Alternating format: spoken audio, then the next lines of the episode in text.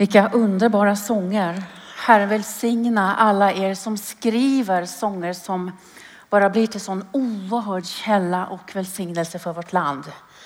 Den nya plattan är fantastisk. Ja. Ja, jag har blivit presenterad som eh, invandrare. Och det är jag. Jag firar 17 maj. Fremdeles. Jag är sild och potatis, men jag firar 17 maj. Jag råkade, vad heter det? Jag råkade bli kär i Lasse. En svensk till min pappas stora förtvivlan. Inte för att jag är Lasse då, utan för att han kom från Sverige och tänkte att då kommer mina barnbarn att prata svenska och det gillar han inte. Men eh, det har gått bra och faktum är att nu många år efter jag ska sätta den här. Så är det egentligen svensken som är mest norsk och norskan har blivit mest svensk. Jag vet inte hur det har gått till. Kanske är det integration. Ja. Mår ni bra? Vilket underbart ös det är på Nyhem. Och fint väder blev det också. Det skulle ju regna idag. Vad härligt. När min, min eh, svärmor hörde, jag har en jättesöt svärmor, Ninni. Eh, hon hörde att jag skulle ha något bibelstudium här på Nyhem och så frågade hon mig, men har du fått något ord liksom av Gud vad han gjorde? Då dela. Nej, jag har inte det, sa jag. Oj, oj, oj, hur ska det gå? sa hon. Ja, men jag har fått ett ord av eh, Nyhems ledningsgrupp. sa jag. Det är liksom så det fungerar nu för tiden. Va? Tiderna förändras. Vi är ju i förvandling, var det det du sa Markus? Marcus? Eh, men så berättade jag för henne vad vi har som eh, bibelord den här dagen och sa hon, åh, underbart. Och så är det. Vi har ett underbart bibelord som ligger till grund för våra samlingar. Och också ett bibelord som får mig, ärligt talat, att lite själva när vi ska prata om Jesu Kristi uppståndelse från de döda som prototypen för vår uppståndelse från de döda. Att livet vinner seger över döden.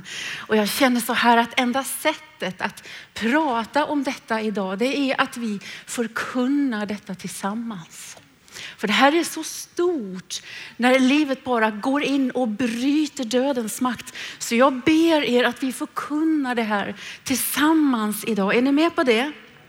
För när det kommer till det här med uppståndelsen från de döda så är ju inte det enkelt vad det liksom twistar till det för oss. Uppståndelsen spränger liksom alla historiens gränser. Ändå äger den rum inför ramen av vår världsordning. Den gör alltså historiska anspråk. Det är därför den är så störande. Du vet va? En Jesus som kommer till oss och eh, ställer sig på de svaga sida. En Jesus som säger att du ska älska din nästa som dig själv och en Jesus som är samhällsrevolutionär. Det kan ju alla egentligen förhålla sig till. Man kan till och med ha Jesus som förebild. Men en Jesus som kommer ut ur graven och lägger grunden för en helt ny skapelse mitt i den gamla det är mer krävande. Men det är det Jesus gör. Uppståndelsen kräver av oss att vi lite ändrar vår världsbild. Att vi ser in i Guds rike. Att vi just justerar våra ögon och ser klart det är viktigt för oss att justera vår blick i förhållande till uppståndelsen. Därför att det är den världsbilden, det är det vi ser som gör det möjligt för oss att vara med och förändra världen. Amen. Är det några av er som eh, har läst, ehm, vad heter han, Irving, John Irving? Är det inte? Sett hans filmer, Siderhusreglerna, Gar på hans värld. Ja, ni har sett, hört en del av er. Han sa någonting som jag skulle vilja läsa för er om vårt tema idag. Va? Jag är livrädd varje år att uppståndelsen inte ska hända. Livrädd för att det inte hände då. För alla kan bli sentimentala av julens födsloscen. Vilken idiot som helst kan känna sig kristen vid jul. Men det är påsken som är den stora begivenheten. Tror du inte på uppståndelsen, ja då är du inte troende. Om du blir orolig nu så är inte det här dagens bibelord. Det här var dagens quote. Men vi ska gå till bibelordet en gång till och läsa det. Johannes 11, 25. Jag är uppståndelsen och livet. Den som tror på mig ska leva om han än dör. Och den som lever och tror på mig ska aldrig någonsin dö. Tror du detta? Säger Jesus till Marta. Och det är det Jesus säger till oss här idag. Tror du detta? För det står och det faller med uppståndelsen. Antingen är det vid den tomma graven allting börjar. Eller också vet du, är det där allt tar slut. Men nu har Kristus uppstått från de döda, säger Paulus. Amen. Nu har Kristus uppstått från de döda som den första av det avlidna, säger han i första Korintierbrevet kapitel 15 som är en stor, stor utläggning, kanske den största vi har i det här ämnet. Och i Kolosserbrevet så säger han som den förstfödde bland de döda. Vad betyder det? Du vet att det här är bilder som kommer ur den judiska påskan som ju är en eh, frälsningshögtid men också en jordbrukshögtid. Man la fram liksom den allra, allra första skörden. Och den första skörden är speciell, eller hur? För vad är det med den? Jo, men den bygger upp någon förväntan om att det kommer mera. Har du ätit nypotatis? Inte? Ni vet att färskpotatis, tack att du sitter här. Nu blir jag norsk, jag blir det inemellan. Det har de lärt sig i Smyrna i Göteborg. Färskpotatis, vi har ju gått och väntat på svensk färskpotatis, svenska jordar och nu har det kommit alldeles lagom till midsommar. Det är vi glada för. Ja, och vi vet att det är ju bara liksom det första som kommer på säsongen. Det kommer en hel mängd, en hel skörd av grönsaker och grejer som vi liksom kan lägga på grillen. En underbar säsong som ligger framför oss. Och i den här bibelversen, i vår kontext, så betyder det att Jesus har uppstått som den första av många. Som storebror i en syskonflock. Hans uppståndelse är någon form av förhandsvisning kan man säga på vad som ska hända med oss och vad som ska hända med hela mänskligheten. Vi skall stå upp från de döda på samma sätt som Jesus Kristus från Nasaret. Amen. Och här vill jag säga någonting som är väldigt, väldigt viktigt. Därför att överväldigande många tror ju och pratar om ett liv efter döden, eller hur? De allra flesta pratar om det. Det är själavandring, det är evigt liv. Det florerar av olika teorier om evigt liv. Så det vill till att du och jag inte blir sluddriga och luddiga utan att vi är formulerade och har den här skarpa synen och blicken på vad det är vi pratar om. För Bibeln pratar inte om någon allmän själavandring, att det är någon själ som ska vara i någon sorts evig existens. Bibeln pratar om en kropp. Ja. Och det var väldigt bra start på den här samlingen med alla de här kroppsliga sångerna. Eh, rörelsesångerna. Jag hade lite utmaning att fixa de här alla rörelserna. Va? Men eh, jag ska träna mig. Bibeln pratar om en kropp. Därför att ordet blev kött. Ordet klädde sig i scener, i kött, fick händer, fick fötter, blev en människa. Det är ett kroppsligt evangelium. En kropp har du danat åt mig, sa Jesus när han kom in i världen. Detta är min kropp gett för er, sa Jesus när han instiftade nattvarden. Och när kvinnorna kommer till graven så var graven tom. Kroppen var borta. Och du vet att när de fick syn på Jesus så trodde de först att det var en trädgårdsmästare.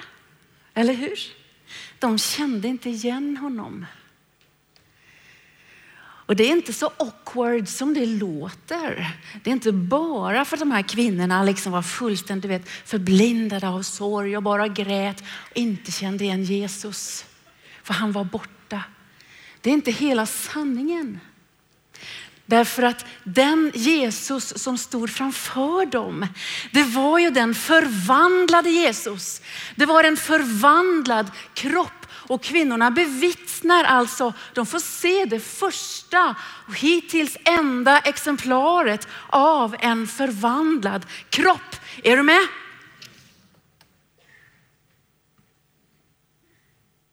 Han skall förvandla den kropp vi har i vår ringhet så att den blir lik den han har i sin härlighet.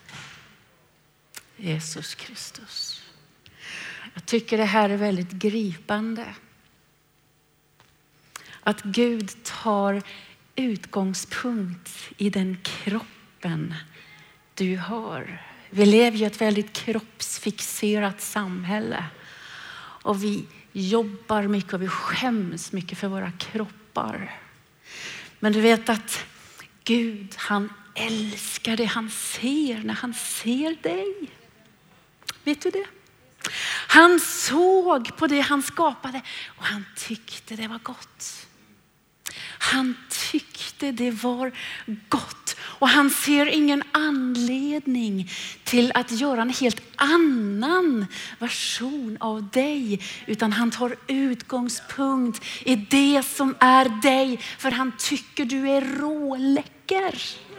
Ja, han gör det. Ja, ge dig själv en applåd. Du är läcker. Så vi borde vara mycket mer nöjda med våra kroppar. Respektera våra kroppar. Paulus talar om detta.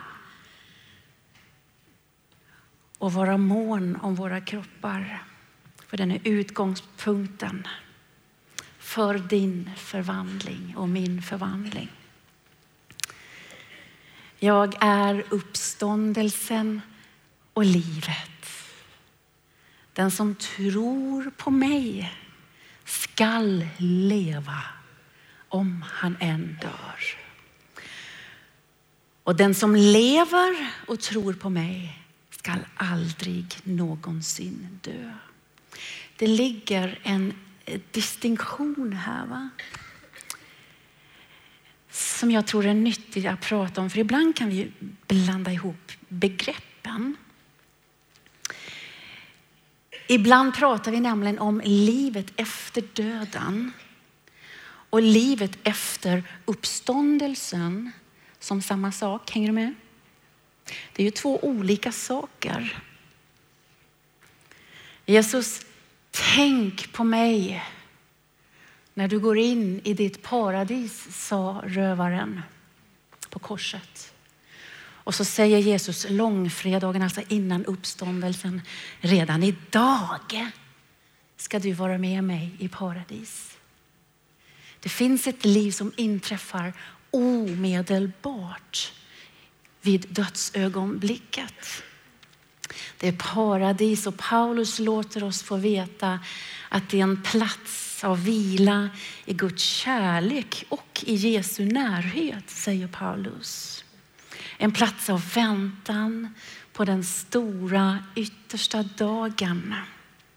Och många vi älskar, som vi känner och generation efter generation är i detta paradis, eller himlen brukar vi ju säga. Men det är ett liv efter livet efter döden.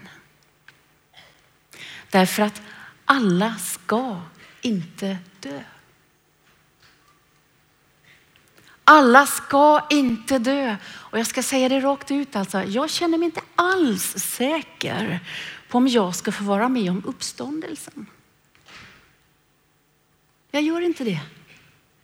Därför jag tror att det är helt realistiskt att vår generation kan få vara med om Jesu ankomst. Det finns en generation som inte ska dö utan som ska förvandlas i ett ögonblick. En generation som ska bevittna den stora dag när historien liksom bara går mot sitt klimax och Jesus Kristus en gång till ska sätta sina fötter på Olivberget. Då kommer han som kung, han kommer som frälsare, han kommer som regerare, han kommer som herre, han kommer som domare och han ska lägga allt till rätta för att lägga det under Faderns fötter.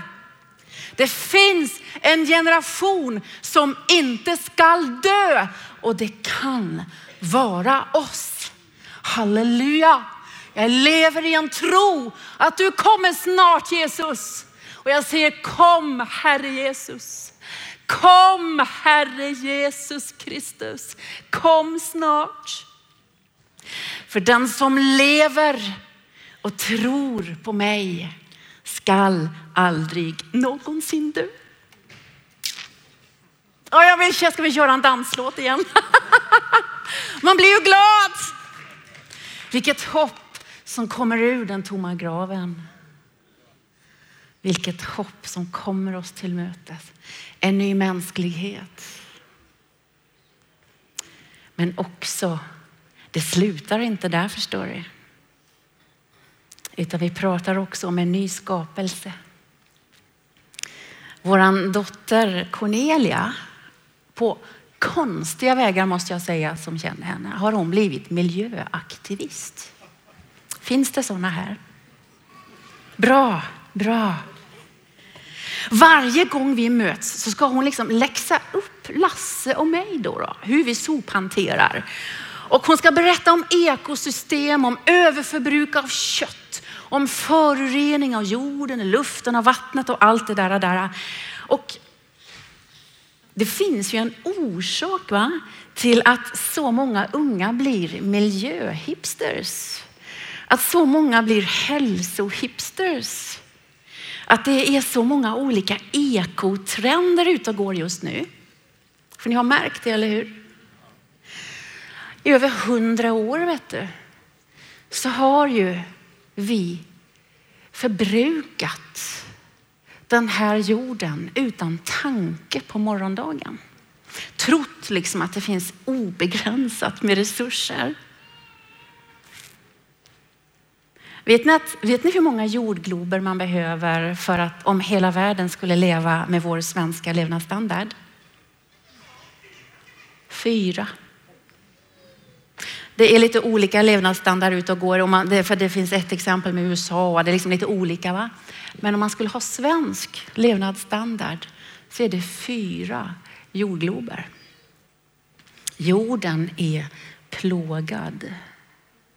Jorden är förvriden och den tomma graven kommer med goda nyheter till jorden. Gud tänker inte slänga jorden på en soptipp liksom. Bara skrota den. Gud såg på det han hade gjort och han tyckte det var gott. Han älskar det han ser. Fjorer och fjäll och forsar, vatten, vattendrag. Och det här rör mitt hjärta faktiskt väldigt djupt. För det säger så mycket om Gud. Det säger så mycket om Guds kärlek till sin skapelse. Han ska skapa en ny värld. Men den nya världen kommer ur den gamla. Och eh, i Romarbrevet 8 som också är en sån här highlight om uppståndelsen och den nya skapelsen så använder Paulus bilden av födslovåndor. Och alla vi som fött barn vet ju att det är ett väldigt liksom, kritiskt ögonblick innan barnet kommer. Det kan vara ett väldigt traumatiskt ögonblick. Och i Romarbrevet 8, vers 19 till 22 så står det så här. Lyssna. Till skapelsen väntar otåligt på att Guds söner, och vi säger döttrar, skall uppenbaras i härlighet. Allt skapat har lagts under tomhetens välde, inte av egen vilja, utan på grund av honom som vållade det. Men med hopp om att också skapelsen ska befrias ur sitt slaveri under förgängelsen och nå den frihet som Guds barn får när de förhärligas. Vi vet att hela skapelsen ännu ropar som i födslovåndor. Alltså skapelsen har i sitt DNA en kunskap om att när Guds söner och döttrar väcks upp ur graven, träder fram i härlighet, då går vattnet. Förlossningen är igång. En ny skapelse föds och ska födas ur den gamla. Och skulle jag öppna mors liv och icke låta det bli någon födsel, säger Gud genom profeten Jesaja. Skulle jag låta födseln begynna för så och stansa den. Det ska ske en förlossning där det kommer en ny jord ur den gamla. För vad handlar frälsning om då? Vad har vi för ord för frälsning? Räddning. Befrielse. Upprättelse. Helande. Förlösning. Jag tänker på en del av vad vi ser i Smyrna för tiden, i Göteborg där många kommer till tro. Och du vet att många kommer ju med väldigt trasiga liv. Riktigt trasiga liv. Det är hemlöshet, det är kriminalitet, det är knark, det är trasiga liv. Och så får de möta Jesus Kristus får en helt ny chans, får ett helt nytt liv, kommer in i församlingen och vet ni vad som händer? Du vet att det går inte värst lång tid. Plötsligt så är en del av dem våra bästa medarbetare. Våra allra bästa medarbetare. Det är förvandling i Jesus Kristus. Det är detta Gud sysslar med. Han upprättar, han förlöser, han förvandlar, han befriar och han ska befria hela sin skapelse. Det finns ett evangelium för hela världen. Gud skall hela, hela världen. Amen. Det sägs att jorden kom till genom ett Big Bang och nu sägs det att jorden är på väg mot ett big crunch, alltså en undergång, en kollaps. Hör här, vi är inte på väg mot någon undergång. Nej, det kan du berätta för dina rädda grannar. Vi är inte på väg mot undergång. Vi är på väg mot en övergång. Kraften ur den tomma graven stannar inte bara vid oss människor. Den sprider sig genom hela universum och har konsekvenser som inte vi har någon översikt om. Vi talar om en ny mänsklighet. Vi talar om en ny skapelse i Jesus Kristus och han alena. Han har all makt i himmel och på jord. Därför ligger det på oss att göra som de första kristna, som apostlarna och i det första århundradet, där var uppståndelsen helt, helt i centrum. Den var inte förvisad till en tid runt påsk, utan de levde påsk. De levde hela tiden ut ifrån uppståndelsen. Det var centrum i deras vittnesbörd och centrum i deras förkunnelse.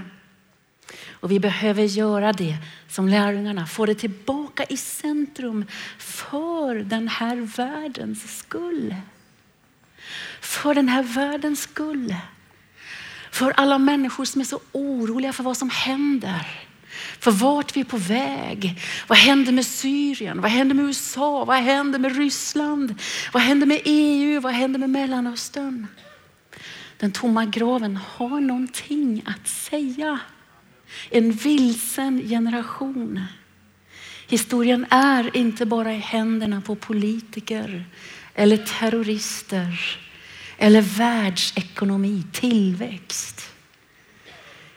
Gud för oss någonstans. Han leder oss någonstans och skaparen ska skapa en gång till. Därför är det inte okej okay, liksom att släppa ut hur mycket miljögifter som helst eller hur mycket surt regn som helst. Utrota djurarter, regnskogen. I tro att det inte spelar någon roll. För Gud ska ändå skrota jorden. Det är att vända Guds skapelse ryggen. Den skapelse han älskar med hela sitt väsen. Och djupast sett är det att inte se djupet i frälsningen.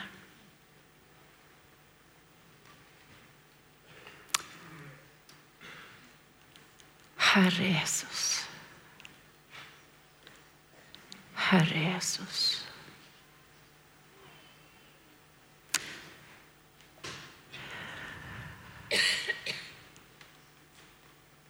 Så har Gud ett mål. Ett stort övergripande mål. Och många av oss sysslar ju med målbilder i vår, vår vardag. Och jag har tittat lite, har Gud en tydlig målbild då? Har han en tydlig målbeskrivning av vad han sysslar med? Och jag hittar i första Korinthierbrevet 15 igen då. då Eh, vers 28 där Paulus skriver om vad som händer just vid tidens yttersta slut. Eh, skriver han, när allt har lagts under honom, alltså Gud själv,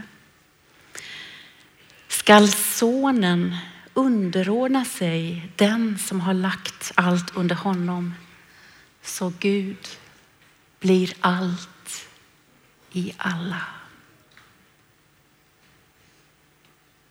Smaka på den du. Mm. Gud ska bli allt i alla. Och jag har inte kollat upp grekiskan här va? Men den norska översättelsen, det är i och för sig den rätta. Det är grundtexten, inte sant? Är vi eniga om det? Det är grundtexten. Där står det Gud skall bli allt i alla. Det svenska Gud ska bli allt överallt och han ska bli allt i alla. Halleluja. Vilken tillvaro. Ja, vi älskar att tillbe, eller hur? Vi älskar lovsång, vi älskar de här stunderna av Guds närvaro. Det är så ofattbart dyrbart för oss och vi tränger oss hela tiden in på Guds närvaro så långt som möjligt. Men vi kan riskera att prata så mycket om Guds närvaro att vi glömmer att prata om hans samtidiga frånvaro. Är du med?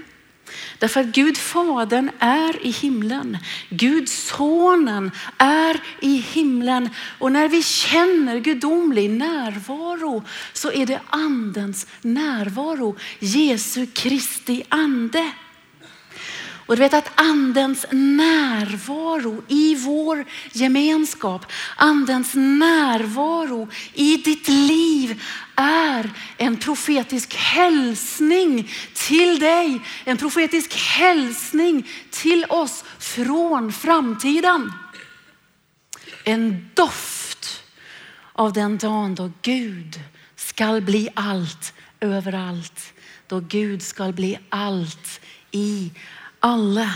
Och andens gärningar, andens, det där han gör genom våra liv är gåvorna från framtiden.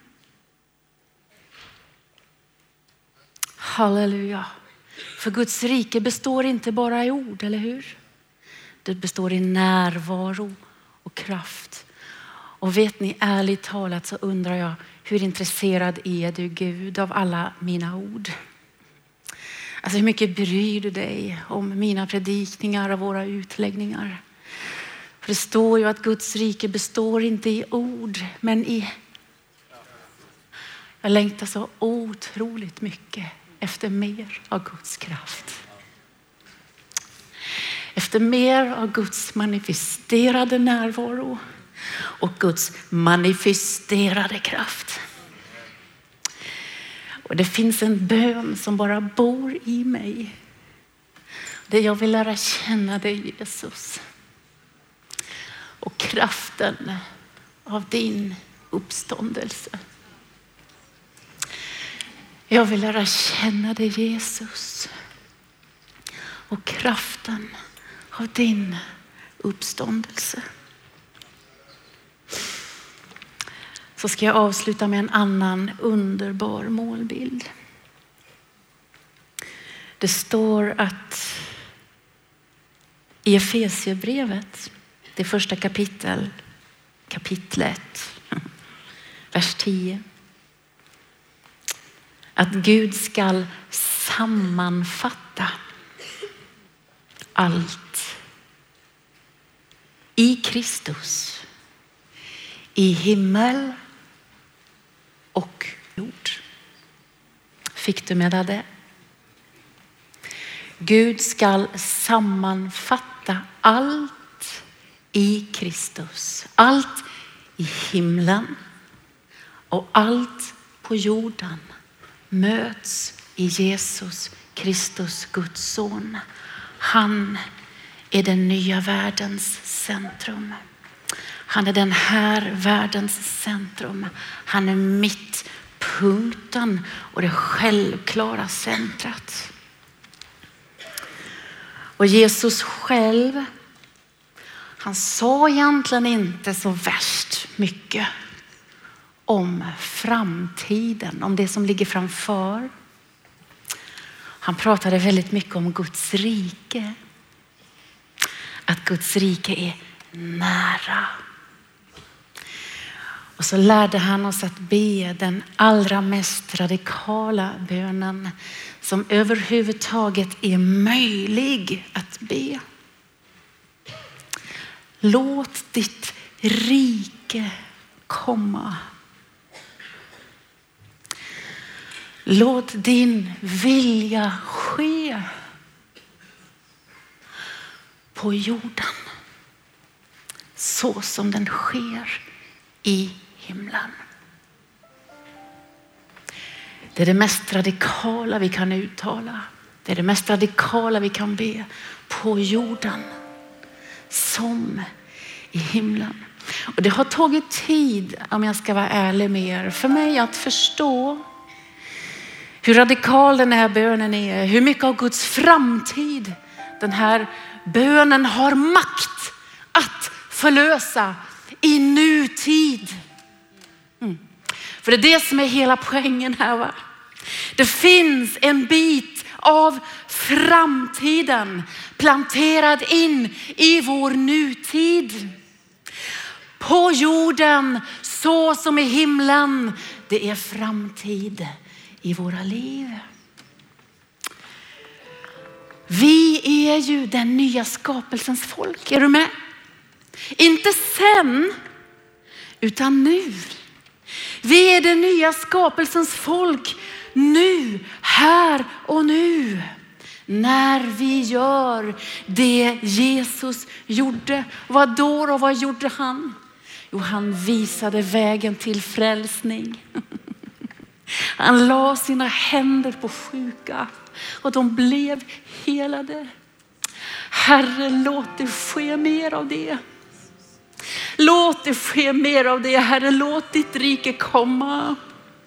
Låt din vilja ske på jorden som i himlen. Han befriade besatta. Han stod upp för plågade, för fattiga och förkunnade riket.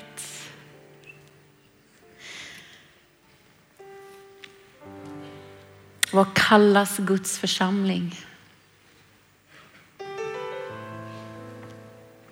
En kropp. Jesu kropp, eller hur? Där har vi det igen. Där kom kroppen igen. Vi är Kristi kropp. Vi är hans händer, hans fötter.